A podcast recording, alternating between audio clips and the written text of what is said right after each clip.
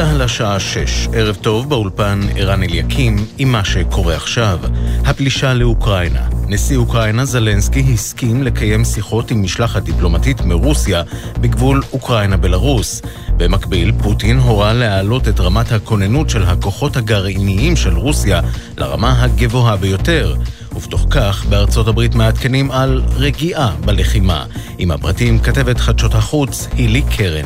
התקדמות כוחות צבא רוסיה הואטה היום בזכות הבלימה האוקראינית וקשיים לוגיסטיים נוספים, כך מעדכן גורם אמריקני בכיר. עם זאת, ארצות הברית מעריכה כי רוסיה תצליח לגבור על הקשיים הללו. עוד הוסיף הגורם כי הבלימה לא נעשתה בעזרת כוחות שהגיעו מהמערב, ועדכן כי בימים האחרונים לא נערכו שיחות בין צבאות ארצות הברית לרוסיה. במקביל, פוטין האשים את מדינות המערב החברות בברית נאט"ו בהתחמשות כוחנית, והורה לכוחות המערך הגרעיני להעלות כוננות לרמה הגבוהה ביותר. הבית הלבן גינה את הצו ומסר כי רוסיה לא הייתה מצויה בשום שלב תחת איום מנאט"ו. ירון וילנסקי שוחח ביומן הערב עם שליח איחוד ההצלה למולדובה, אבי מרקוס, שסיפר על מצוקת הפליטים. הקרקע נשמטה תחת רגליהם, הם אה, לא יודעים אם יהיה להם לאן לחזור, אה, וכשיחזרו, מה יש בבית שהם נמצאים בו. אותם פליטים, המבט שלהם הרי אומר את הכל, מבט אה, חלול כזה של, שהם לא יודעים, שהם באמת ממלכת הלא נודע. בתוך כך, כמאה אלף איש התכנסו למחאה בברלין נגד פלישת רוסיה לאוקראינה ובכדי להפגין סולידריות עם העם האוקראיני. קראו לסיים את הפלישה של רוסיה ואמרו שאסור שההיסטוריה תחזור על עצמה. כתבת חדשות החוץ עומר עזרן מציינת כי המפגינים צעדו לעבר שגרירות רוסיה סמוך לשער ברנדנבורג במרכז ברלין. עוד בחדשות. בסוף השבוע קיבלו הקצינים הבכירים במשטרת ישראל הוראה להכין רשימות של שוטרים אותם ניתן לפטר. מדובר על חמישה אחוזים משוטרי משטרת ישראל. זאת במסגרת התחייבות המשטרה להסכם השכר עם האוצר. מביאה את הפרטים לראשונה כתבתנו הדס שטייף. בסוף השבוע קיבלו מפקדי המחוזות ומפקדי המרחבים במשטרה הוראה להכין רשימת שוטרים ממצבת כוח אדם שלהם, המועמדים מבחינתם לפיטורים. מדובר בחמישה אחוז ממצבת כוח אדם במשטרה, שאלו המאות שוטרים חסרים ממילא. את הצעד הזה נאלצת המשטרה לנקוט לאור הסכם גג שכר שנחתם בין המפכ"ל לאוצר. המשטרה נמסר כי לצד ההסכם עם האוצר לא מחויב הארגון, המשטרה נמצאת בהליך גיוס ענק של כ-2,200 שוטרים. כתב אישום הוגש נגד 17 תושבי כפר קאסם ושכם בגין עבירות נשק וסחר בסמים בהיקף של מאות אלפי שקלים. מדווחת כתבתנו בתל אביב, אנה פינס. הנאשם המרכזי, תושב כפר קאסם כבן 30, יצר קשר עם המעורבים ובאמצעות הרשתות החברתיות קידם עסקות של נשק וסמים מסוכנים.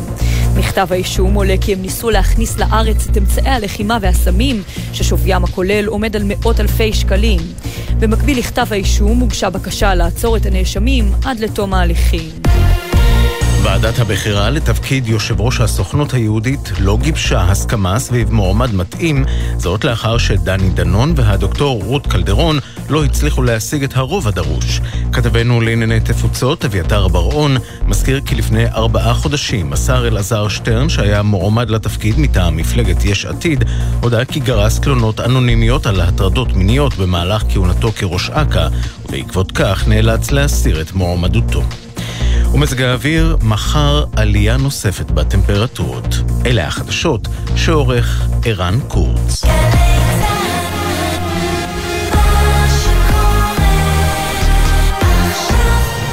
בחסות אנשור פלוס אדוונס, המסייע לשמירה על הכוח וההגנה הטבעית. אנשור פלוס אדוונס, שאלו את הרופא או את הדייתן. בחסות מחסני חשמל, המעניקה על כל קנייה, התקנה והגדלות חינם של מחשבים, קונסולות משחק וטלפונים ניידים. במחסני חשמל בחסות חברת לבנת פורן, המציעה סיוע של צוות רופאים ומומחים, גם בתביעות סיעוד מול חברות הביטוח. כוכבית 2468. לבנת פורן.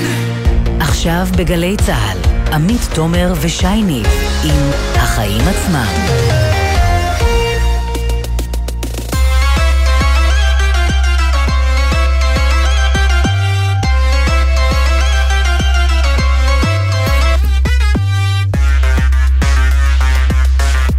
עכשיו, שש וחמש דקות, אתם על החיים עצמם, התוכנית הכלכלית-חברתית של גלי צה"ל.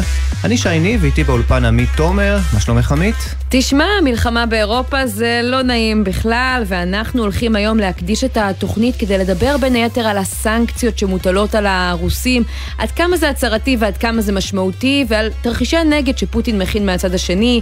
בינתיים אנחנו מרגישים אה, סנונית ראשונה של התייקרות אצלנו בכיס עם מחירי הדלק שכבר קופצים, ועל זה נדבר עם אה, מנכ"ל אה, סונול שיהיה איתנו בריאיון, וגם האוליגרכים שמסתובבים פה ממש בינינו, ננסה להבין מי הם ואיך נראית הפעילות שלהם כאן בארץ. כן, נדבר גם עם יושב ראש הוועד של עובדי משרד החוץ, שככה בין הקרבות שם באירופה, מנהל בעצמו קרב על התנאים של השליחים שנמצאים שם, ולא רק שם. ונספר גם על שיחת הטוויטר המעניינת מאוד בין שר הדיגיטל של אוקראינה לבין היזם אילון מאסק. זה משהו ששום מלחמה עוד לא ניפקה לנו, אני מבטיח לך. אבל לפני הכל, שי, מה הכותרת שלך היום? כן, טוב, תראי, אה, סיפור על מלחמה, אינטרסים וקצת כסף. אה, אחת הבנות שלי ילדה בכיתה ו', חזרה היום מבית הספר וסיפרה שאחת המורות הסבירה לילדים למה ישראל לא מתערבת במלחמה שפרצה באירופה. מה ההסבר את שואלת? רוס, רוסיה עוזרת לפעמים לישראל. עכשיו, עזבי שהייתי צריך לתקן ולהגיד לה שרוסיה לא עוזרת לישראל, הכוחות שלה פשוט נמצאים בגבול שלנו עם סוריה והם עוזרים דווקא לרעים, ולכן אנחנו נזהרים מאוד. מה שמשגע פה זה שאותה מערכת חינוך, שבעוד חודשיים תספר לאותם תלמידים לקראת יום השואה, איך העולם עמד מנגד, ולא עזר לנו היהודים. כולל אותה... האוקראינים ספציפית. כן, אותה מערכת מסבירה עכשיו שזה בעצם בסדר לעמוד מנגד, כל עוד יש אינטרסים, והם מעל הכל. עכשיו, הסיפור הקטן הזה מבית הספר לוקח אותנו לאותו מכתב, שתכף נדבר עליו, ששלח לשגריר ארה"ב בישראל מנהל בית חולים והרב הראשי לישראל, ועומדים מאחוריו גם נשיא אוניברסיטת תל אביב ואחרים. במכתב הזה הם מבקשים לא להפעיל סנקציות נגד האוליגרך רומן אברמוביץ', מקורבו של פוטין. ולמה לא להטיל עליו סנקציות? כי הוא עוזר לעם היהודי. איך הוא עוזר? כסף. תרם לשיבא, תרם לאוניברסיטה, תרם לפני כמה ימים ממש לפני תחילת ההתקפה הרוסית ליד ושם.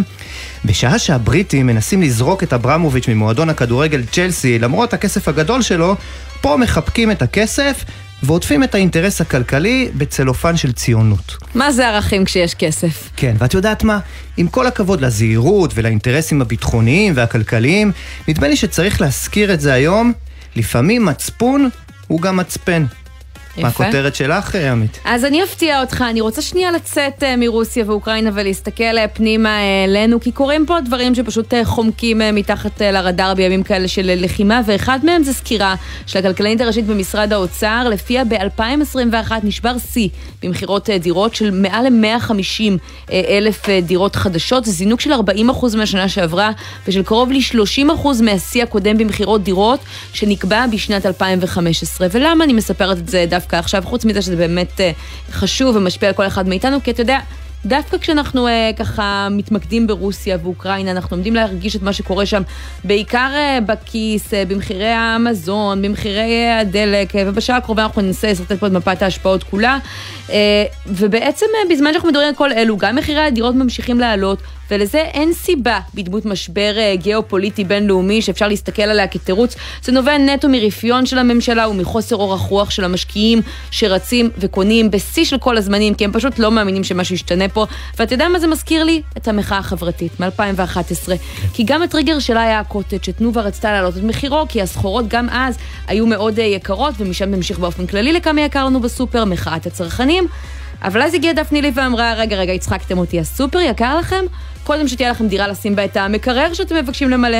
וככה התחילה מחאה הרבה יותר uh, גדולה, ובדיוק עשר שנים אחרי הקיץ ההוא, כשברקע תחילתה של עוד מחאת צרכנים נגד עליות המחירים שרק מתחילות פה לפי מה שאנחנו רואים מהעולם, מעניין לראות מתי שוב ייפול האסימון, שהעניין הזה לא פחות בוער. אולי אחרי המלחמה.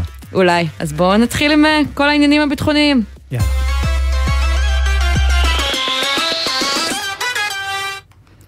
אז אה, אנחנו רוצים עכשיו אה, לפתוח אה, ולדבר על הסנקציות. שמעתם עליהן הרבה כנראה בימים האחרונים. באירופה ובארצות הברית בינתיים לא מתייצבים בחזית ליד הלוחמים האוקראינים, שאפשר להגיד שנותרו די לבד במערכה. אז זה מה שהם עושים במקום זה, מטילים עונשים כלכליים נגד הרוסים בניסיון להפעיל עליהם לחץ. בינתיים נראה שזה לא ממש מעורר הרתעה, אבל בואו ננסה להבין, שי, מה הכלים שיש בידיהם. כן, אז קודם כל, את יודעת, הגבלות על המסחר בין הבנקים הרוסים לאלו של יתר מדינות המערב. ארה"ב, בריטניה והאיחוד האירופי וקנדה החליטו לנתק, כן, הם החליטו לנתק בנקים רוסיים ממערכת הסוויפט, תכף ככה נרחיב בעניין הזה, שמסייעת להעברת uh, כספים, כספים uh, בעצם תקשורת שקשורה להעברת הכספים בין בנקים וארגונים פיננסיים ברחבי העולם. אבל שימי לב, המערכת לא מבצעת באמת את העברת הכספים הזו, אלא מאפשרת לבנקים לתקשר ביניהם בצורה מאובטחת ויחסית פשוטה. כלומר, הרוסים אולי יצטרכו לעבוד קצת יותר קשה. אבל הם עדיין יוכלו לבצע עסקאות בינלאומיות. וחוץ מזה אנחנו עוד בשלב האיומים, האם כל הבנקים הרוסים ינותקו מהסוויפט? ואם לא, האם לא נראה שיתופי פעולה בין הגופים הפיננסיים השונים, שכעת מוצאים את עצמם נגד העולם? במערב עוד לא ירדו לפרטים הקטנים, אך הכל כך משמעותיים האלה. כן, וגם הבנק המרכזי של רוסיה על המוקד, מכיוון שפוטין הצטיין ברזרבות של מטבע וזהב, וכל מה שצריך ככה כדי להתקיים גם בלי שום עזרה מבחוץ. האירופים והאמריקאים מנסים להטיל סנקציות שימנעו מרוסיה להשתמש ברזרבה הזו, על ידי כך שהם לא יקנו ממנה באמצעות רובלים. אבל רגע, אנחנו יודעים שהמערב תלוי ברוסים. הוא רגיל לקנות מהם דברים כמו גז ונפט וסחורות, וכרגע הם עוד לא מתכוונים להפסיק, כי חורף עכשיו וקר באירופה, הם צריכים את הגז הזה. אז זה יפגע במדינות שיטילו את הסנקציות לא פחות. לכן לא ברור אם גם המהלך הזה עד הסוף פרקטי. כן, ויש גם דברים, בעיקר טכנולוגיות, שהאמריקנים מתכוונים להפסיק למכור לרוסים, למשל שבבים, שחברות הייטק משתמשות בהם. אבל כל עוד אלו לא מגבלות עולמיות, יותר אה, רחבות, סביר להניח שהם פשוט ימצאו מוכרים אחרים. וכמובן הסנקציות האישיות, ששמענו עליהן הרבה, נגד נשיא רוסיה פוטין והמקורבים לו, שייכנסו לרשימה שחורה, ובנקים אמורים להפסיק למנוע מהם לבצע פעולות, אבל בשביל זה הם יצטרכו לדעת בדיוק איפה הכסף שלהם נמצא. ואיזה נכסים בידיהם, וגם זה, זה לא דבר פשוט בכלל, כי יש להם אה, הרבה ותחת חברות שונות, אז סביר להניח שגם כל זה, כל, כמו כל הצעדים ששמענו עכשיו, הם בעיקר בגדר עוד איום, המילים אמנם נשמעות מפחידות, אבל לא בטוח שיש להם כיסוי, וכדי אה, באמת, אה, מה שנקרא, לפוצץ את הבועה הזאת ולהבין יותר את הפרטים הקטנים בסיפור הזה של האיומים הכלכליים מהמערב, ואנחנו רוצים לדבר עם אייל אשקס, מחבר הספר גשרי הכלכלה. הוא מומחה לגיאוקלכלה, שלום. שלום רב. אז זה מה, תגיד, יש פה איזושהי אה, מלחמת אה, מוחות, מי אה, מנסה יותר להפחיד את השני, או שיש כאן גם צעדים ממשיים שיכולים לגרום לרוסיה להתקפל? הצעדים שאת רובם כבר ציינתם הם צעדים מאוד מאוד משמעותיים על כלכלת רוסיה, גם בטווח הקצר וגם בטווח הארוך. בטווח הקצר, רוסיה בינתיים מצליחה איכשהו להכיל, למרות שראינו ירידות מאוד משמעותיות בבורסה של מוסקבה, אבל הוא מצליח להכיל בזכות אותה כרית ביטחון אה, של אה, מעל 600 מיליארד דולר של אה, רזרבות מטח, שגם אותם האמריקאים והאירופאים פועלים להגביל. כשהם יגבילו את זה, יכול להיות שכבר ההכלה הזאת בטווח הקצר לא תעבוד לפוטין. אני גם לא בטוח שפוטין ציפה לצעד הזה. למה? כי מה בדיוק ישתנה ברמה הפרקטית? ברמה הפרקטית זה אומר שרוסיה לא תוכל להשתמש ברזרבות מטח, אם זה בכסף ודולר באירו ואם זה בניירות ערך, שנמצאות, שנמצאים במערב. כל עוד זה שם, ומדובר על סכומים של אה, מאות מיליון, מיליארדי דולרים מתוך ה-600 אה, ומשהו מיליארד האלה, וזה סכומים מאוד משמעותיים שבעצם רוסיה משתמשת בהם היום כדי לרכך את המכה של הסנקציות בטווח הקצר. האינדיקציה הכי בולטת לכך זה העובדה ששער הרובל נותר יחסית יציב ביחס למה שאפשר לצפות במדינה שהטילו עליה סנקציות כאלה כבדות, ובבירור זה נובע מהפעולות אה, של רוסיה והבנק המרכזי הרוסי. הזכרנו קודם את אה, מערכת הסוויפט, ובארצות הברית, לפחות בימים האחרונים, הגדירו את זה אה, כנשק יום הדין, אפילו כסוג של נשק גרעיני מבין הכלים האלה של הסנקציות. קצת הגזימו, לא? הגזימו, זה ממש לא נשק יום הדין. אני חושב שצעד הרבה יותר משמעותי זה אותן הגבלות על הבנקים הגדולים ברוסיה והבנק המרכזי ברוסיה, שצעד שאמור להגיע בימים הקרובים לפי האמריקאים והאירופאים. וזה צעד הרבה יותר משמעותי כי הוא ממש מונע בפועל את היכולת של רוסיה לקיים עסקאות פיננסיות אה, ברחבי העולם.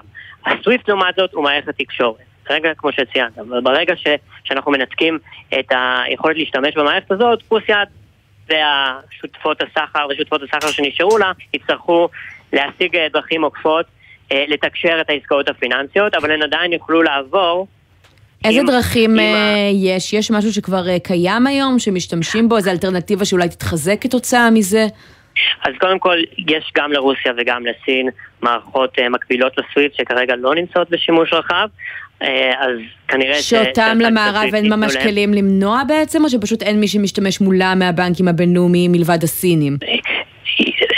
בגדול הכלי הזה משתמש, מי שמשתמש בו זה באמת הסינים והרוסים, ואין בהם שימוש רחב בינלאומי, אבל, אבל זה לא כל כך משנה כי, כי אפשר לתקשר מערכות, אפשר לתקשר עסקאות פיננסיות גם לא באמצעות המערכות המורכבות האלה. אה, לפני כמה עשרות שנים אה, אה, העבירו את המידע על העסקאות הפיננסיות האלה בטל, בטלקס.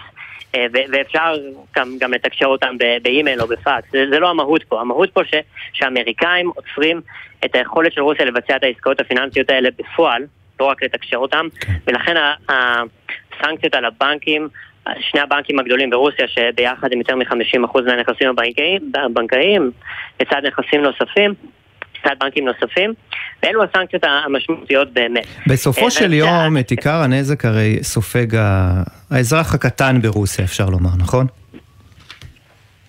בהחלט, בטווח הארוך ובטווח הקצר האזרח הזה אה, יראה אה, השפעות משמעותיות. עכשיו בטווח הקצר הוא יראה את המחירים שלו עולים, הוא יראה פחות מוצרים מערביים אה, ושירותים מערביים כמו גוגל ואפל שיהיה אפשר להשתמש בהם בתוך רוסיה, זה בטווח הקצר, בטווח הארוך הוא יראה שינוי משמעותי לרעה ברווחת החיים שלו, כולל שחיקת כי מה, כי המחירים יעלו, נכון? השכר יישחק. מחירים יעלו, כל הפעילות הכלכלית ברוסיה בהכרח תרד, כי, כי יש פחות אה, יכולת אה, לקיים אה, מגזרים כלכליים עם פריון גבוה, אה, בגלל סנקציות כמו הסנקציות שהזכרת על, על ייצוא טכנולוגי לרוסיה, וזה יפגע דרמטית במגזרים השונים בכלכלה הרוסית, בסוף מי, מי שירגיש את הפגיעה הזאת בפעילות כלכלית זה האזרח שיקבל... אה, שיקבל משכורת יותר נמוכה, ששיעור האבטלה הולך ויעלה, שיהיו פחות מוצרים בחנויות, שהמחירים של אותם מוצרים יעלו. אז בעצם ו- המערב וזה, כן. קצת כן. חכם על חלשים, כלומר הוא מנסה להטיל אה, סנקציות גם על אה, פוטין ומקורביו ומי שהחליט ללכת לפלישה הזאת, אבל דה פקטו הוא מצליח בעיקר אצל האזרחים הקטנים האלו שכנראה לא היו שותפים להחלטה אם לצאת למלחמה. אני חושב שפוטין יודע שזאת תהיה התגובה המערבית. אה, ובאמת האשמה היא על פוטין ועל ההחלטה שלו לפלוש ככה אה, לאוקראינה. אה, צריך להגיד שגם פוטין ומעגל המקורבים שלו, גם הם ייפגעו משמעותית. למשל, לפי ניתוח של בלומברג, המקורבים, האוליגרכים שמקורבים לפוטין איבדו משהו כמו 39 מיליארד דולר על הנייר, כי, כי זה עדיין בשווי של החברות שהם מחזיקים בבעלותם. אז גם הם מאבדים, הם עדיין בזכות כרית הביטחון הפנימית ברוסיה, זאת אומרת עדיין יש מערכת פיננסית בתוך רוסיה שלא מושפעת מהמערב, ולכן יצליחו לחיות uh, חיים טובים מאוד. כן, אני חושב ש, ש, שזה חלק מ, מה, מהציניות של uh, פוטין ומהיכולת שלו, מהרצון שלו לבצע צעדים כאלה. אה, אבל אתה יודע, אנחנו שומעים... אנחנו... כן, אנחנו שומעים בימים האחרונים פשוט על סנקציות אישיות שיוטלו על פוטין. אבל אין באמת דרך להטיל עליו סנקציות, נכון? כי הכסף שלו, הרי הנכסים שלו מפוזרים ומבוזרים בין אה, הרבה מאוד אה, אנשים, אוליגרכים, או יותר נכון אה, קרובי משפחה שלהם, כאלה ואחרים. יהיה מאוד קשה לשים את היד שם, נכון? נכון, אחד מהצעדים שהאמריקאים והאירופאים הכריזו עליהם ממש אה, אתמול בלילה הוא להקים מעין צוות אה, משותף, טאסק פורס, למצוא נכסים של אותם פוטין ואותם בכירים ואני חושב שהשאלה, שבסוף להטיל סנקציות זה החלק הקל, לאכוף את הסנקציות זה החלק הקשה. ואכיפת סנקציות כוללת באמת רדיפה אחרי אותם נכסים, איפה שהם לא נמצאים, אה, ומציאת קצות חוט שימצאו אותם, ואני חושב שהמערב אה, יכוון את המשאבים שלו לשם, אבל, אבל כן, הרבה מהנכסים האלה ימשיכו להיות נסתרים, חלקם גם ברוסיה עצמה, אה, ולכן בסופו של דבר גם פוטין וגם מעגל האוליגרכים שלו אה, יצליחו להמשיך את החיים הטובים שלהם בעוד האזרח הרוסי. אז אייל, מה הסיכוי שהסנקציות האלה יעצרו את הלחימה, ואיפה כן אפשר, אתה יודע, לפגוע לרוסים בבטן הרכה כדי שאולי נראה משהו משתנה? אז קודם כל, באמת צריך להפריד בין השאלה של ההשפעה הכלכלית של הסנקציות לבין ההשפעה של אותה פגיעה כלכלית בקבלת ההחלטות של פוטין. ובגדול יש רק אדם אחד שיודע איך הם ישפיעו, וזה פוטין. ואני חושב שככל שהמערב ייקח ממנו את היכולת להשתמש בכרית הביטחון, דיברנו על יתרות המטח, שזה צעד שאני לא בטוח שהוא, שהוא חזה מראש, כך, כך יגבר גם ה... ככה המערב גם ידחוק אותו יותר ויותר, אבל בסופו של דבר הוא לא הלך למלחמה על אוקראינה מסיבות כלכליות, הוא הלך מסיבות אחרות, אה, ואנחנו רואים מקרי בוחן אחרים של סנקציות ברחבי העולם, mm. שלא הצליחו להשפיע אה, על המדיניות. ולכן הכלי הזה בסופו של דבר הוא כלי מוגבל. עכשיו כן, יש עוד כלי אחד, שהמערב, אה, הוא באמת נשק יום הדין. נו. או, הנה. שזה הגבלת ייצוא הנפט והגז של רוסיה. עכשיו, למה זה באמת נשק יום הדין? כי, כי חלק מאוד משמעותי מהכלכלה הרוסית, מהכנסות הממשלה הרוסיות והייצוא הרוסי נמצא בנפט וגז, בעצם המגזר בי פאר הכי משמעותי של הכלכלה הרוסית. אה. וזה יפגע במערב אה, לא פחות, כנראה. זה, זה, זהו, זה, זה לא להגביל את הייצוא, זה להגביל את הצריכה שלנו בעצם, שלנו המערב. זה, להגביל את היבוא אה, של אירופה ושל יתר העולם ואת הייצוא הרוסי, כן. מה שנקרא אה, חרב פיפיות. אז... זה חרב פיפיות. עכשיו, יכול להיות, יכול להיות שהם בסוף עם, עם המצב יסלים, יכול להיות שהם יהיו מוכנים לצעדים הדרגתיים וללכת בכיוון הזה. אז הנה רגע, בדיוק בעניין הזה, לא אז רגע, תישאר כן. איתנו, אנחנו רוצים לעלות לשיחה את דוקטור גיא לרון, מרצה בכיר במחלקה ליחסים בינלאומיים באוניברסיטה העברית. שלום גיא. ערב טוב. אנחנו יכולים לנחש שפוטין נערך לסצנריו הזה, נכון? אז הוא נערך לסצנריו הזה מאז 2014, בגלל זה באמת, כמו שאמר הדובר הקודם, הוא ניסה לפתח מערכת תשלומים מקבילה לסוויפט, שהיא לא לגמרי מתאימה למטרה הזאת, זאת אומרת, היא לא מפותחת מספיק כדי להחליף את הסוויפט, הוא ניסה כמה שיותר לאגור את היתרות מטבע החוץ שלו בזהב, ו-20% מכלל יתרות מטבע החוץ הרוסיות לפי הערכה הם בזהב. ברוסיה עצמה, 10% ב-UN, זאת אומרת במטבע שלא כפוף לסנקציות הנוכחיות, ומעבר לזה יש את הניסיון שמאוד סביר שיגבר בחודשים ובשנים הקרובות, להתנתק כמה שניתן מהשווקים במערב.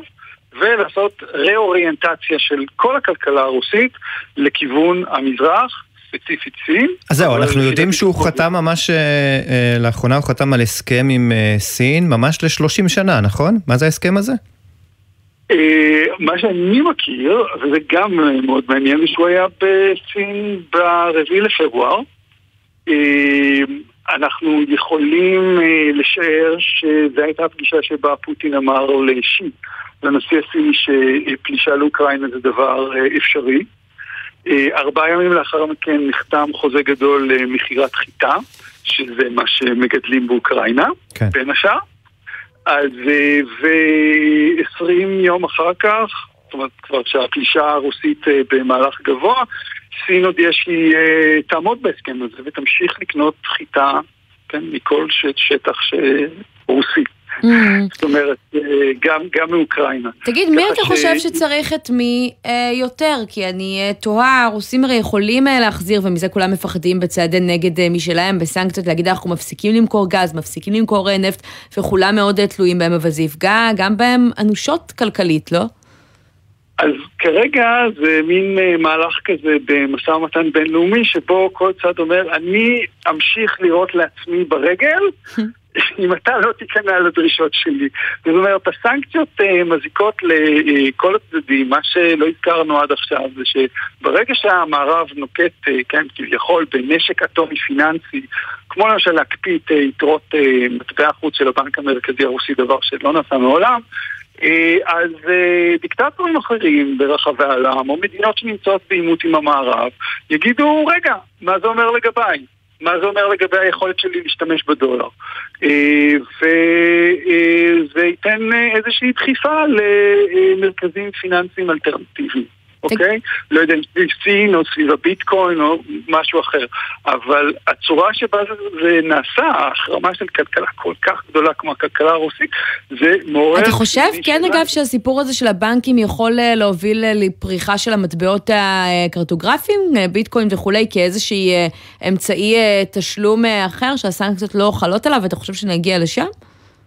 זה ספקולציה אפשרית. העניין הוא שדברים זזים מהר ושינויים שלא חשבנו שהם יקרו, הם קורים תוך ימים ושעות. מעניין, מעניין מאוד. ותגיד, כמה זמן להערכתך, או ממה שאנחנו יודעים, אה, פוטין בעצם אה, עובד על זה, על כל אה, צעדי הנגד האלה, על ההתחמשות הכלכלית, כי נראה שהוא עשה פה עבודה.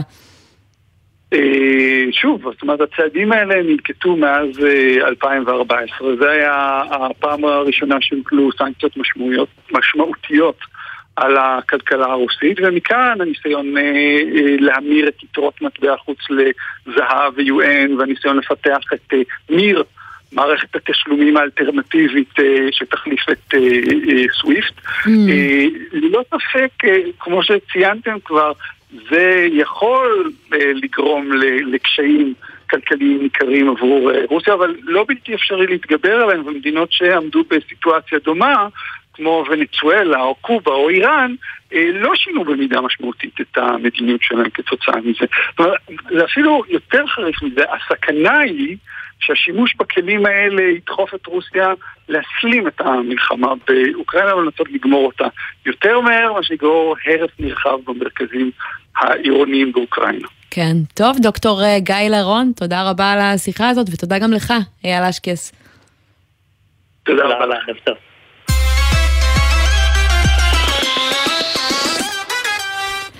טוב, אז הזכרנו קודם אה, אוליגרכים, ואת יודעת, אה, בטח שמעת על המכתב אה, שנשלח... אה, כן, בוא נדבר רגע על, ה... על, המכתב. על המכתב הזה. בעצם אה, אנחנו רואים אתמול אה, בחדשות ערוץ 12 חשיפה של מכתב ששלחו אה, שורה של אנשים אה, בכירים, אה, נשיא האוניברסיטת אה, תל אביב, אה, מנהל בית החולים אה, שיבא ורבנים, אה, ביניהם אה, דוד אה, לאו, אה, איזושהי שורה של אה, אנשים, וביד ושם כמובן. כמובן שלהם מכנה משותף אחד, רומן אברמוביץ' תרם כספים לכולם ועכשיו הם קוראים כן, הם קוראים בעצם לא להטיל סנקציות על רומן אברמוביץ', נגיד האוליגרך שמקורב אה, אה, לפוטין, שגם אה, תורם אה, כספים, כנראה ביד נדיבה, אה, גם לשיבא, גם ליד ושם, לכל אותם גופים שהזכרת אה, קודם.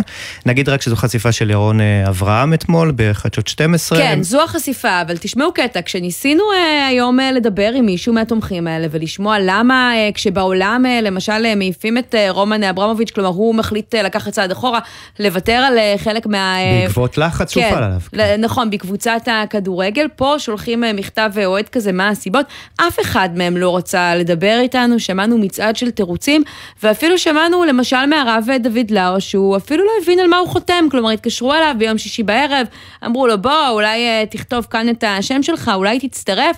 אבל הוא לא ממש עומד מאחורי הדברים האלה, כלומר, זה נראה שיש איזה אה, לובי שמארגן את הדברים האלה בסיפור עם כסף וכוח, אבל... כי את יודעת, בסופו של דבר, גם הם מבינים ש... אה, לא תמיד, כן? אבל בהרבה מאוד מהמקרים, לכל תרומה כזו, יש גם תמורה. ועכשיו כנראה הגיעה השעה של התמורה, והתמורה במקרה הזה זה אותו מכתב שהם ככה אה, אה, נאלצו אולי מבחינתם אה, אה, לכתוב. אה, בשגרירות האמריקאית מאוד לא התלהבו מהדבר הזה, צריך לומר. אז ו... מכיוון שהם לא רצו בעצם להסביר את עצמם, הזמנו את סופי שולמן, פרשנית בכלכליסט. שתספר לנו ככה על מפת האינטרסים ומי האנשים, כי יש פה כמה, לא רק רומן אברמוביץ', הכי קרובים לפוטין שפועלים בישראל. שלום. בהחלט, ערב טוב לכם ולמאזינים. ערב טוב. אז בואי אולי נתחיל מאברמוביץ', כי הוא היה השם הכי מדובר אה, ב- בימים האחרונים. תספרי לנו קצת על הפעילות שלו בישראל. אז תראו, רובן אברמוביץ' אה, הוא ידוע כיהודי, למעשה שורה ארוכה מאוד של אוליגרכים רוסים הם אה, ממוצא יהודי, זו סוגיה בפני עצמה. אברמוביץ' עד לפני חמש שנים לא היה לו יותר מדי פעילות בישראל, אבל ב-2018, שוב, בעקבות האירוע הראשון בין רוסיה לאוקראינה, כאשר רוסיה סיפחה את קרים, אה, בעצם אה, לונדון, אה, בריטניה, ששם אברמוביץ' התגורר, כידוע מחזיק בצ'לסי, בעצם לא מחדשת לו את הוויזה. זה היה אירוע מאוד מפתיע, כי רבים בכלל לא חשבו שהוא חי שם עוד בזכות איזושהי ויזה, ואז מפלטו של כל יהודי, כשאין לו באמת ממש, שכלו כל הקיצים, הם כנראה מדינת ישראל.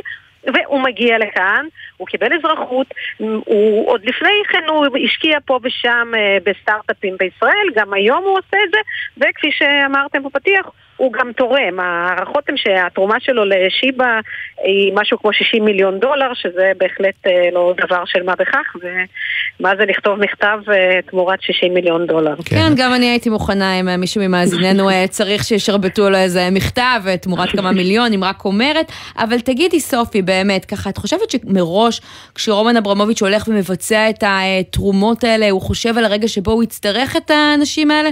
או שפשוט הגענו פה לאיזשהו מצב שהוא דיבר עם האנשים שהוא רגיל לעבוד איתם, או העביר להם אי אלו מסרים? תראו, שוב, אני מעולם לא יצא לי לשוחח איתו, אברמוביץ' הוא בן אדם אה, מאוד אה, פרטי ולא מרבה לשוחח עם אה, עיתונאים, אבל כן יש, זה, זה לפעמים, אני לא יודעת איפה עובר הגבול בין הציניות באמת ל, ל, לאמיתי, אבל אצל רבים מהאולגרכים יש באמת רגש יהודי חם, שוב, אני לא יודעת לתהות לגמרי על קנקנו, אבל אברמוביץ' יחד עם עוד כמה אוליגרכים שתכף נדבר עליהם, הוא גם אחד היוזמים והמקימים של מוזיאון יהודי מאוד מאוד גדול במוסקבה, שככה נמצא בשטח באמת חתיכת נדל"ן יקרה, ושם ההחזקה של המוזיאון, הוא, הוא יחד עם אוליגרכים נוספים, כל אחד מהם תורם שם מיליון דולר כל שנה כדי להחזיק את המוזיאון הזה. הם לכאורה רואים בישראל וביהדות משהו מרכזי מבחינתם. כמובן שישראל, כמו שאמרנו, היא מקום מפלט, הרי לא כל ה... אוליגרכים שחיים פה הם uh, כאלה שמקורבים לפוטין. צריך לזכור שחלקם uh, הגיעו לפה אחרי שפוטין כבר uh, צינן קצת את המערכת יחסים בינו לבינם, אז ישראל היא תמיד מפלט. איך הוא עשה את הכסף שלו? איך הוא עשה את הכסף שלו, אברמוביץ'? בואי נזכיר. אז כמו כל השכבה הזאת של האוליגרכים, הם כולם היום... מתקרבים לגיל 60, מה שאומר שלפני 30 שנה עם התפרקות ברית המועצות הם היו צעירים בשנות ה-30 שלהם, באופן משעשע דווקא בגלל שהם היו יהודים והם הרבה פעמים לא התקבלו לאוניברסיטאות היוקרתיות ביותר, אז הם הלכו ללמוד אה, באוניברסיטאות שהתמחו בגיאולוגיה ומחצבים וכל מיני משאבים, שלכאורה נשמע משעמם, אבל מה? זה בדיוק העולמות האלה שפרחו אה, נפט, אה, גז, וגם אברמוביץ' שאף פעם לא ידעו עד הסוף מה קרה שם. שם בתווך, אבל הוא הפך לבעל השליטה באחת מחברות הנפט הגדולות, שיב נפט, ובניגוד למיכאל חודורקובסקי המפורסם שישב עשר שנים בכלא, אה, שהוא היה גם, שהוא ממש אה, עשה את המסלול המקביל לאברמוביץ', לשניהם היו, היו חברות נפט גדולות, אה, ושדובר על מיזוג ביניהן, רק שחודורקובסקי אז החליט שהוא הולך לפוליטיקה ובעצם שרף את עצמו, ואברמוביץ' כנראה אמר לפוטין פחות או יותר, אוקיי, מה שצריך, אני אעשה. ו... והוא גם אה, מכר אחר כך את המניות שלו בסיפנט. הוא הכחיש לאורך. הדרך, צריך לומר, את, ה... ככה, את הזיקה שלו לפוטין מבחינת זה שהוא מחזיק בנכסים עבור אה, תמיד, פוטין. תמיד, אפילו אה. הוא ולגחים נוספים נוהגים לתבוע תביעות דיבה, רק לא מזמן הם זכו בלונדון בתביעת דיבה גדולה שבעצם מנסה לנתק אותם מהזיקה לפוטין. היום בעצם אברמוביץ' מעבר לצ'לסי מחזיק, הוא בעל שליטה בחברת קריאה מאוד גדולה. קריאה בכף, ושנסחרת גם בלונדון, שווי של חמישה מיליארד דולר בערך, אבל הוא היום בפרופיל מאוד מאוד נמוך. בואי נדבר רגע על... בואי נדבר רגע על ויקטור אה, וקסלברג ועל הקשר שלו לישראל. וקסלברג זה אחד, ה... הוא בעצם הצלע השנייה המרכזית אה, באותו מוזיאון אה, יהודי במוסקבה שהזכרנו, הוא הצלע השנייה של אברמוביץ'. הוא אה, גם, הוא ממש ה, הייצוג, ה, אפשר להגיד, הבולט ביותר של המשבר הנוכחי. אבא שלו יהודי, אימא שלו אוקראינית, והוא חי כל החיים שלו ברוסיה. איפה הוא מצא את עצמו עכשיו ועם מי הוא מזדהה, זו שאלה מעניינת. הוא גם, יש לו אזרחות אה, ישראלית, הוא תורם פה הרבה מאוד אה, אה, לאוניברסיטת תל אביב. הוא בעצם, נחש... הקהל הישראלי נחשף אליו אה, כאשר אה, באירוע הזה של אה, בני גנץ, המימד החמישי. המימד החמישי, נכון. כן, שהיא קרסה, בעצם וקסלברג היה בעל המניות העיקרי, שהפסיק להזרים את ה... הפסיק להזרים עוד השקעות לחברה. בגלל שהוא כבר אז, הוא בעצם נכנס לסנקציות האמריקאיות על אוליגרכים רוסים. הוא טען שהוא פשוט לא יכול היה אה, להמשיך אה, להשקיע בממד החמישי, כי האמריקאים סגרו לו את הברז על כל החשבונות הבנק שלו, ברמה של מיליארדים, יש לו כסף בשוויץ.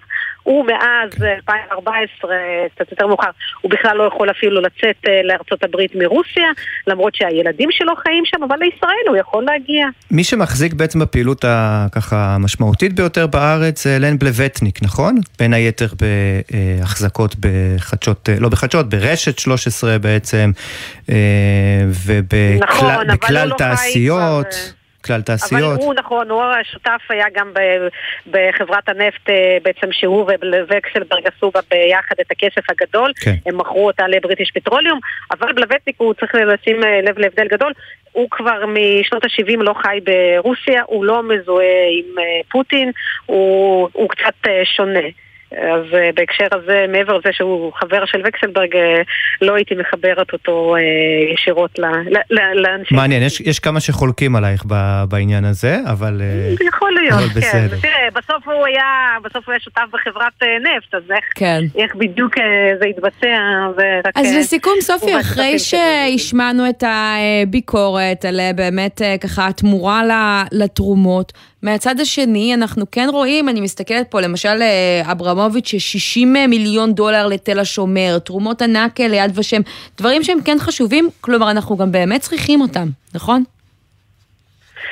אנחנו צריכים אותם, הם, הם זכאי חוק השבות, הם מקיימים, אנחנו לא דיברנו על, על הדמות הכי מסקרנת היום בסיטואציה הנוכחית, וזה מיכאל פרידמן, שגם לו יש אזרחות ישראלית, והוא אה, עדיין בעלים של בנק מאוד גדול ברוסיה, אלפא בנק, שעכשיו יהיה נתון לסנקציות, ופה mm-hmm. כבר גם השאלה מעניינת איפה ישראל מוצאת את עצמה. אנחנו, גם פה אנחנו בנקודה מאוד רגישה בין המחויבות שלנו ליהודים אה, בכל העולם, לבין אה, ארצות הברית והברית המבנית והבסיסית העמוקה שלנו איתם, ומול אה, רוסיה. כן. שוב הסתבכנו באמצע, באמצע של כל האינטרסים של כולם. כן, במקום אה, טוב או פחות טוב באמצע. סופי שולמן, כלכליסט, תודה רבה. תודה לכם.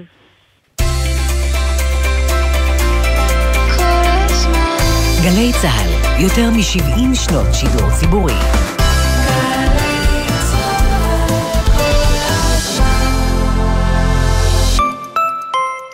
שלום, קניב סולטן, ורציתי לספר לכם שהפסקתי לזרוק והתחלתי להחזיר.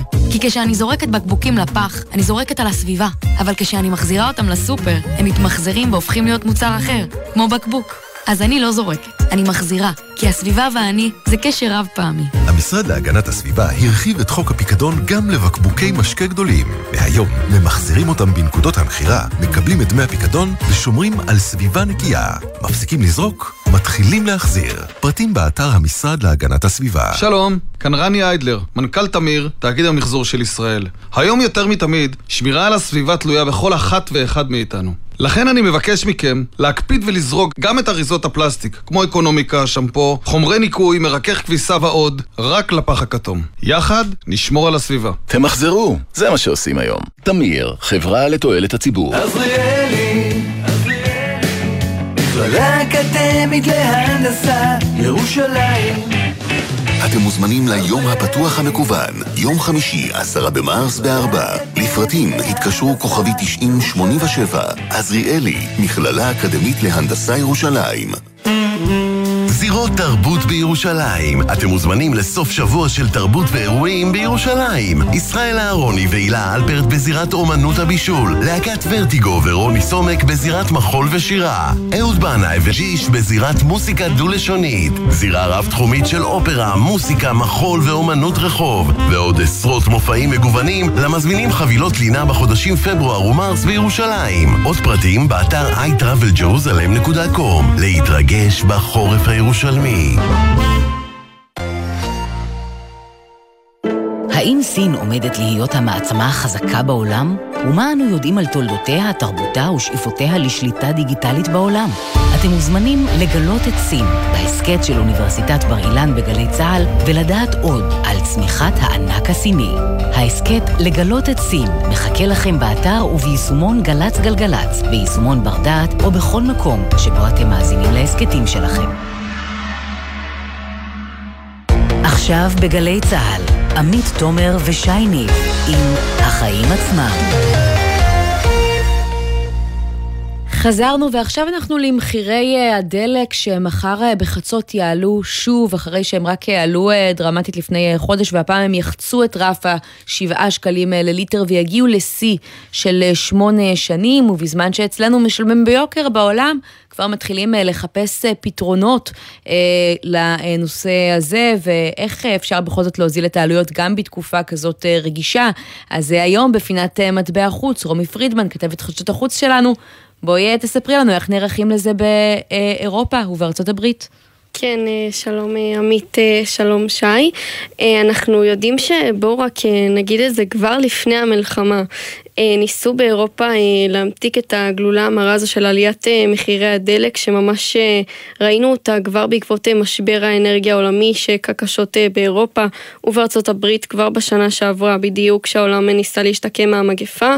אנחנו יודעים למשל שהעלייה שתוכננה לחודש בצרפת הוגבלה ל-4% בלבד, וממש כעת, בעקבות כל אותו סכסוך שהוביל לעלייה מאוד גבוהה במחירי הדלק, לפי גורמים רשמיים באיחוד האירופי, האירופי, הם צפויים לחשוף אסטרטגיה להפחתת התלות באנרגיה רוסית עד שניים במרס, כלומר עד ממש יום רביעי הקרוב. אה, ואם נעבור אה, לארצות הברית, אה, גם בבית הלבן מאוד מודאגים מהאפשרות הזו של עליית מחירי הגז, וזה בעצם עמית ושי, כשהאמריקנים מתמודדים עם המחירים הגבוהים ביותר מאז שנת 2014, עם שיא של גם אינפלציה ב-40 השנה האחרונות שהגיעה ל-7% וחצי. אז מה עושים שם? כי בעצם, את יודעת, זה לא איום בעליית מחירים כמו שאנחנו רואים בסחורות, כבר ממש קורה בשטח. כן, אז אני יכולה לספר לכם שממשל ביידן בוחר, בוחן אפשרות אה, לנצל שוב את אספקת החירום של הנפט של ארה"ב, בתיאום עם אה, בעלות הברית שלו כמובן, כי זה צעד מאוד אה, משמעותי. המאגר הזה בעצם, או בשמו הרשמי, מאגר הנפט האסטרטגי, הוא מאגר החירום של הנפט הגדול ביותר בעולם, ככל שידוע לנו כמובן, ויש לו קיבולת של 714 מיליון חביות של נפט.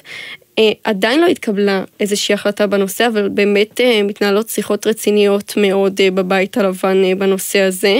נזכיר כי הבית הלבן ביצע את אותו צעד כבר בחודש נובמבר של השנה שעברה. הוא אישר להשתמש ב-50 מיליון חביות נפט גולמי מאותו מאגר כדי להתמודד עם עליית המחירים בעקבות אותו משבר אנרגיה שכבר דיברנו עליו. אותו מהלך, לפי הבית הלבן, הוביל אז להפחתת מחיר הדלק בעשרה... זהו, רומי, אז בואי אולי נשמע את נשיא ארצות הברית, ג'ו ביידן? כן, שהוא ממש אומר דברים בשבוע שעבר, מנסה ככה להרגיע את האמריקנים. בואו נשמע את זה. and that Americans are already hurting. I will do everything in my power to limit the pain the American people are feeling at the gas pump. This is critical to me. But this aggression cannot go unanswered. כן, הוא אומר, אני יודע שזה קשה ושהאמריקנים כבר כואבים, אה, אעשה כל שביכולתי כדי להגביל את הכאב שהעם האמריקני חש בתחנת הדלק, אך התוקפנות הזו לא יכולה להישאר ללא מענה.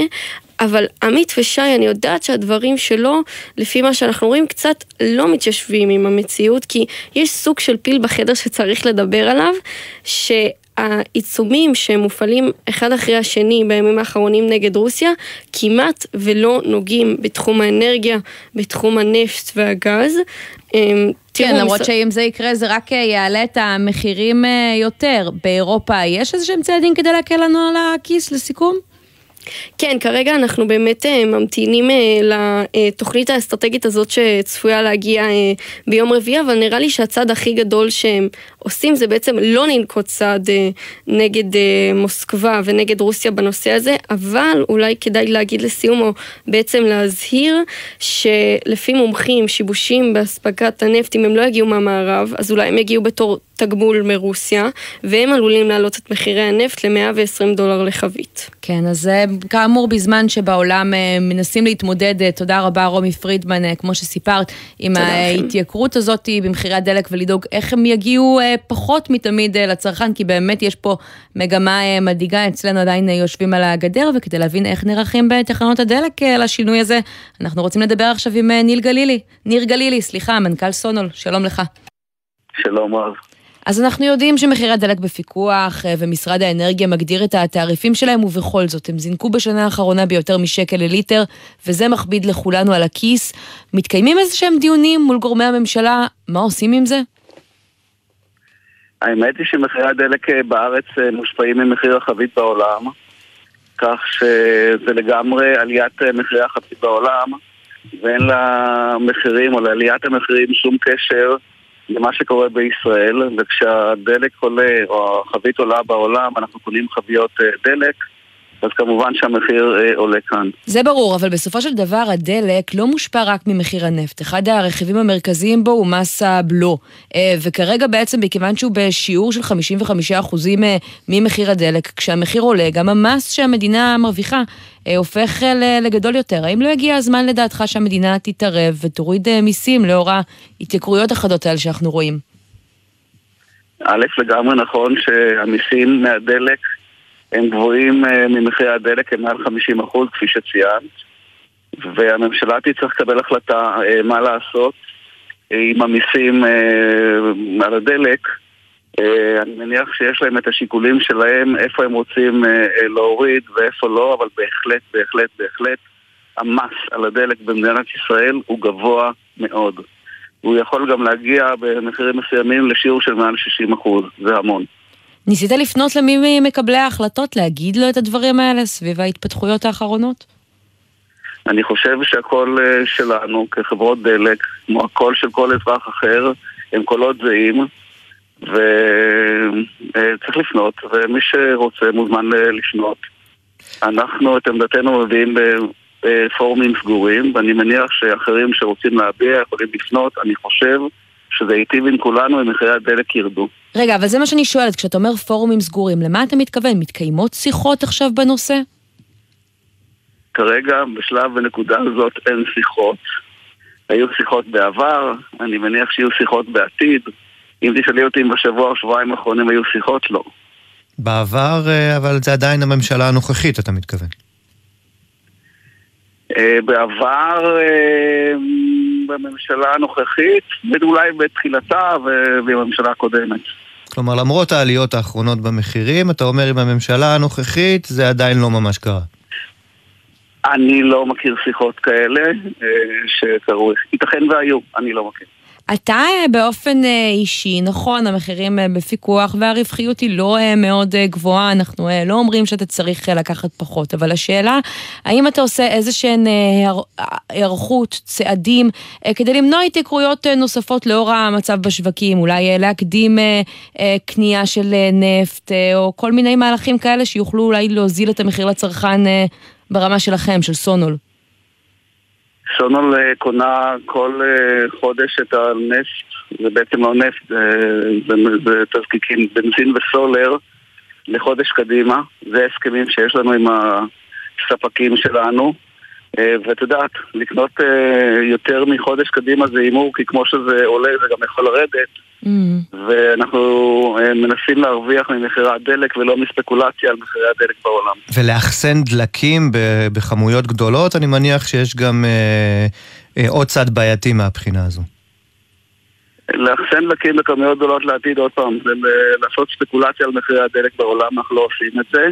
מעבר לכך, שאין לנו יכולת טכנית לעשות את זה, כי אין מכלים או אין איך לאחסן את זה היום במדינת ישראל.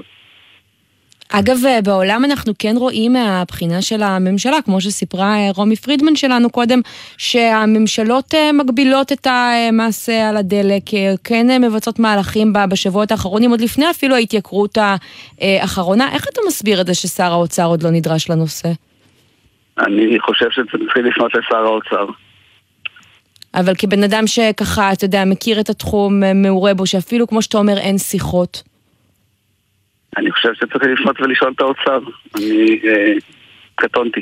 אני מניח שאתם ככה אה, עושים אה, ניתוחים של המצב בימים האחרונים. מה הצפי, לפחות ככה מבחינתכם, לגבי המחיר? לאן זה צפוי עוד לעלות? כל עוד uh, המצב של, uh, כפי, שהוא, uh, כפי שהוא קיים באירופה, מלחמה בין רוסיה לאוקראינה, uh, ממשיך. אני חושב שמחירי הדלק uh, בטוח שלא ירדו וימשיכו לעלות. כמה הם יעלו, כבר היום במחירים הם גבוהים. וכמה הם יעלו אני לא יודע, אבל ברור לגמרי שישנה מגמה של עליית מחירים כתוצאה מהלחימה באירופה. וככל שהלחימה תימשך, אני מניח שהמחירים אה, ימשיכו לעלות. כן. תראה, אתה יודע, כמו שחברות אה, אה, משקאות אה, רוכשות, אה, רכשו עם הזמן אה, אה, אה, חברות אה, אה, בתחום המים, למשל, ראינו שקוקה קולה עושה את זה, אני רואה שסונול, ככה בבדיקות אה, שעשיתי, אני רואה שסונול נכנסה לאחרונה לתחום העמדות טעינה לרכבים אה, חשמליים, זה נקרא סונול EVI נדמה לי.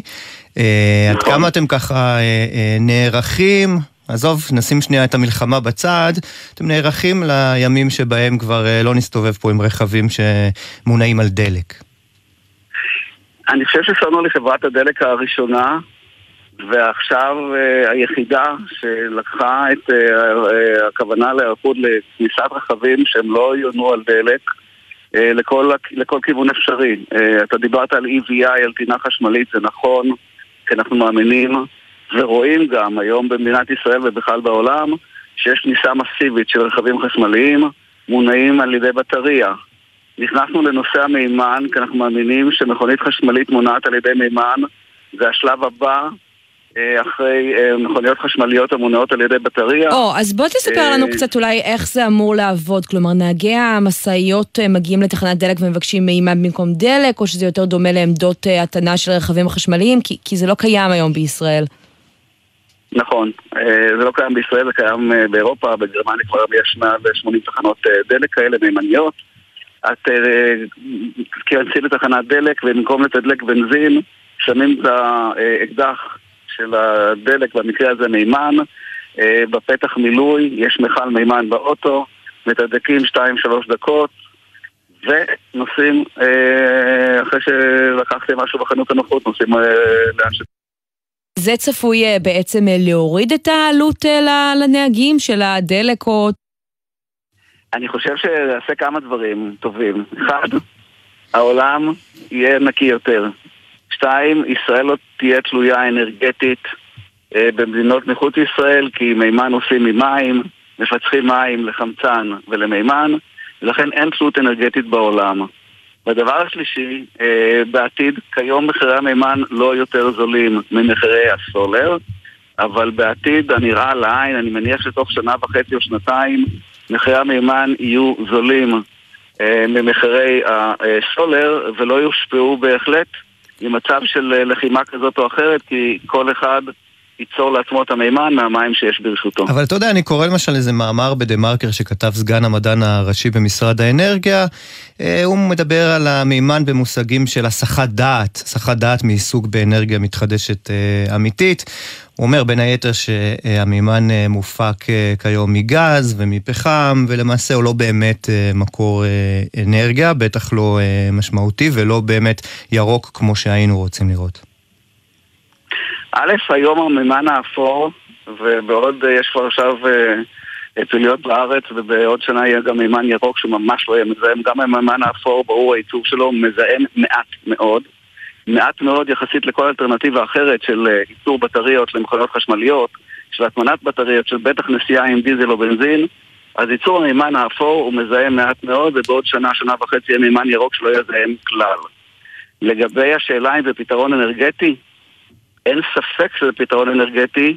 כדי להבין כמה זה נכון, צריך לגשת לשולחנות השרטוט של היצרנים בעולם, קוריאה, אה, יונדאי, אה, טוקיו, אה, טויוטה ואחרים, ולראות שכולם מתכננים היום מכוניות מימניות. אז זהו, ראינו את האוטובוסים של. יונדאי באמת, אבל הזכרת את טויוטה, וטויוטה באמת היא הראשונה, אני חושב שבמשך אה, אה, שנים ארוכות בעצם סימנה את המימן אה, ככה כחלופה אה, של העתיד, עוד לפני הרכב החשמלי, היא אפילו ממש אה, נמנעה מלעסוק ברכבים חשמליים, אבל נדמה לי שלפני שנתיים, שלוש, היא ככה עשתה איזושהי פניית פרסה, וכן בחרה להתמקד ברכבים חשמליים. אולי זה ככה מעיד על זה שזו לא בדיוק אלטרנטיבה? אה, אני לא חושב שהמילה פניית פרסה היא נכונה, היא פשוט אה, הבינה. א', היא ייצרה את המיראי, לפני זה ייצרה מכונית פרטית בשם מיראי, שנוסעת כבר כמה שנים בעולם, ב- אצלהם ובארצות הברית. היא פשוט הבינה שהיא צריכה לעבוד במקביל גם על מכונית חשמלית, שזה כרגע הזמן הנכון שלה.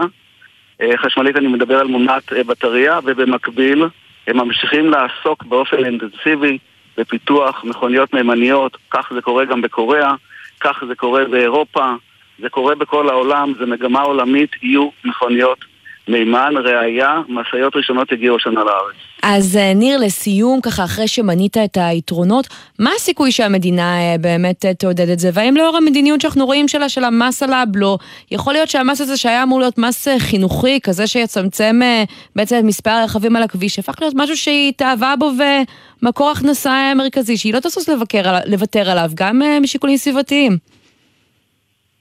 המדינה, המדינה באופן מעשי מעודדת היום כניסה לנושא המימן. גם תחנת הדלק הממנית שנקים, המדינה שותפה במימון של 50%.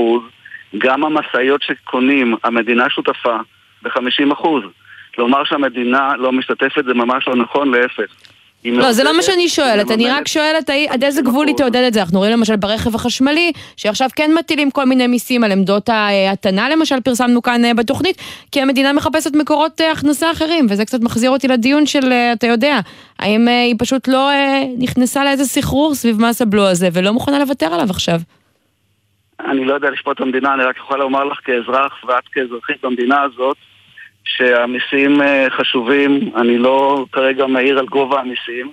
המיסים חשובים לנו לקיים את, אה, את המדינה הזאת כמדינה שנותנת שירותים לאזרחים שלה ולכן צריך מיסים. אני עוד פעם לא מעיר על הגובה וייתכן וצריך לעשות אה, איזונים במיסים, אבל בסך הכל אני לא חושב שיש מדינה בעולם שצריכה לתת פתרון לאזרחים שלה. לא, על זה כולנו מסכימים, אם אני מבינה אותך נכון, אתה אומר בין השורות, מיסים אין ספק שצריך, השאלה אם לא הלכנו איתם רחוק מדי. אני לא יודע לעשות את האיזון, יש אה, אה, ממשלה שצריכה לעשות את האיזון ואני שלא יכול לשפוט את זה כי אני לא בקיא עד הסוף באיך המיסים מחולקים, אבל בהחלט אה, כן. אין ספק שצריך מדי פעם לבחון ולאזן מיסים בכל מדינה, בטח במדינת ישראל. ניר גלילי, מנכ"ל סונול, תודה שהיית איתנו. תודה רבה.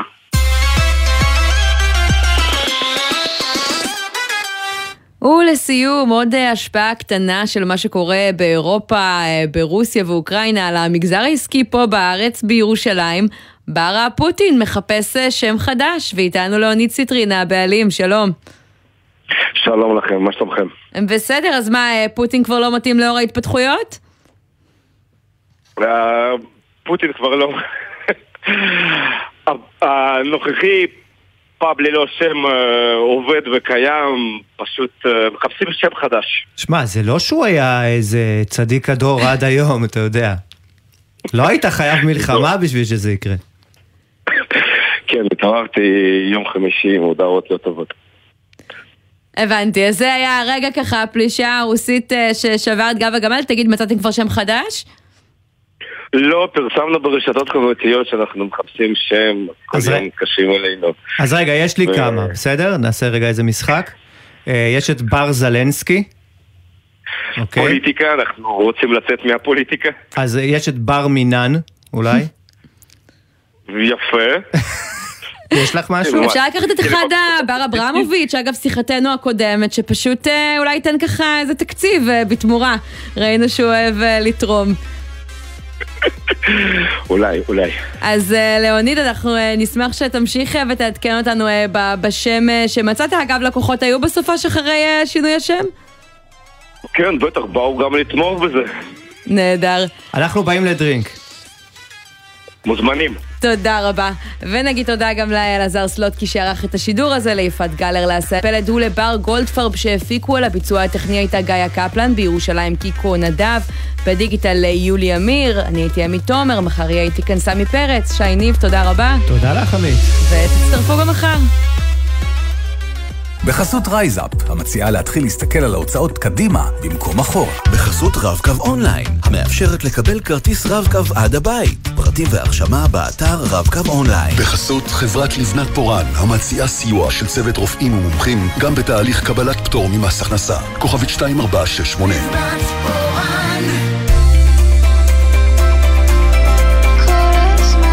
גלי צה"ל, יותר מ-70 שנות שידור ציבורי.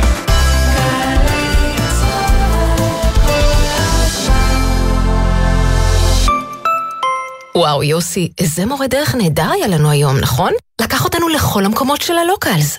את זוכרת שאנחנו בארץ, כן?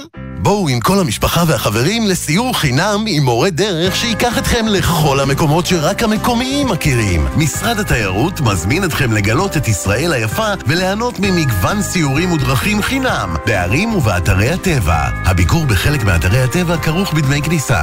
היכנסו עכשיו ל-i-israel.co.il ובחרו סיור חווייתי עם מורה דרך חינם. משרד התיירות מהביאנלה בוונציה לתל אביב, השקת בכורה בישראל, בית חולים שדה איקס, עכשיו במוזה, מוזיאון ארץ ישראל תל אביב. יש להזמין תור מראש באתר המוזיאון. כשהקריירה שלך מכריחה אותך להיות כל יום בים, פלא שמתחשק לך לשיר? יום פתוח לתארים ראשונים במדעי הים והסביבה הימית ובביוטכנולוגיה ימית. רופין, צוללים עמוק כדי להגיע גבוה. ארבעה במרס, בפקולטה למדעי הים, קמפוס רופין במכמורת.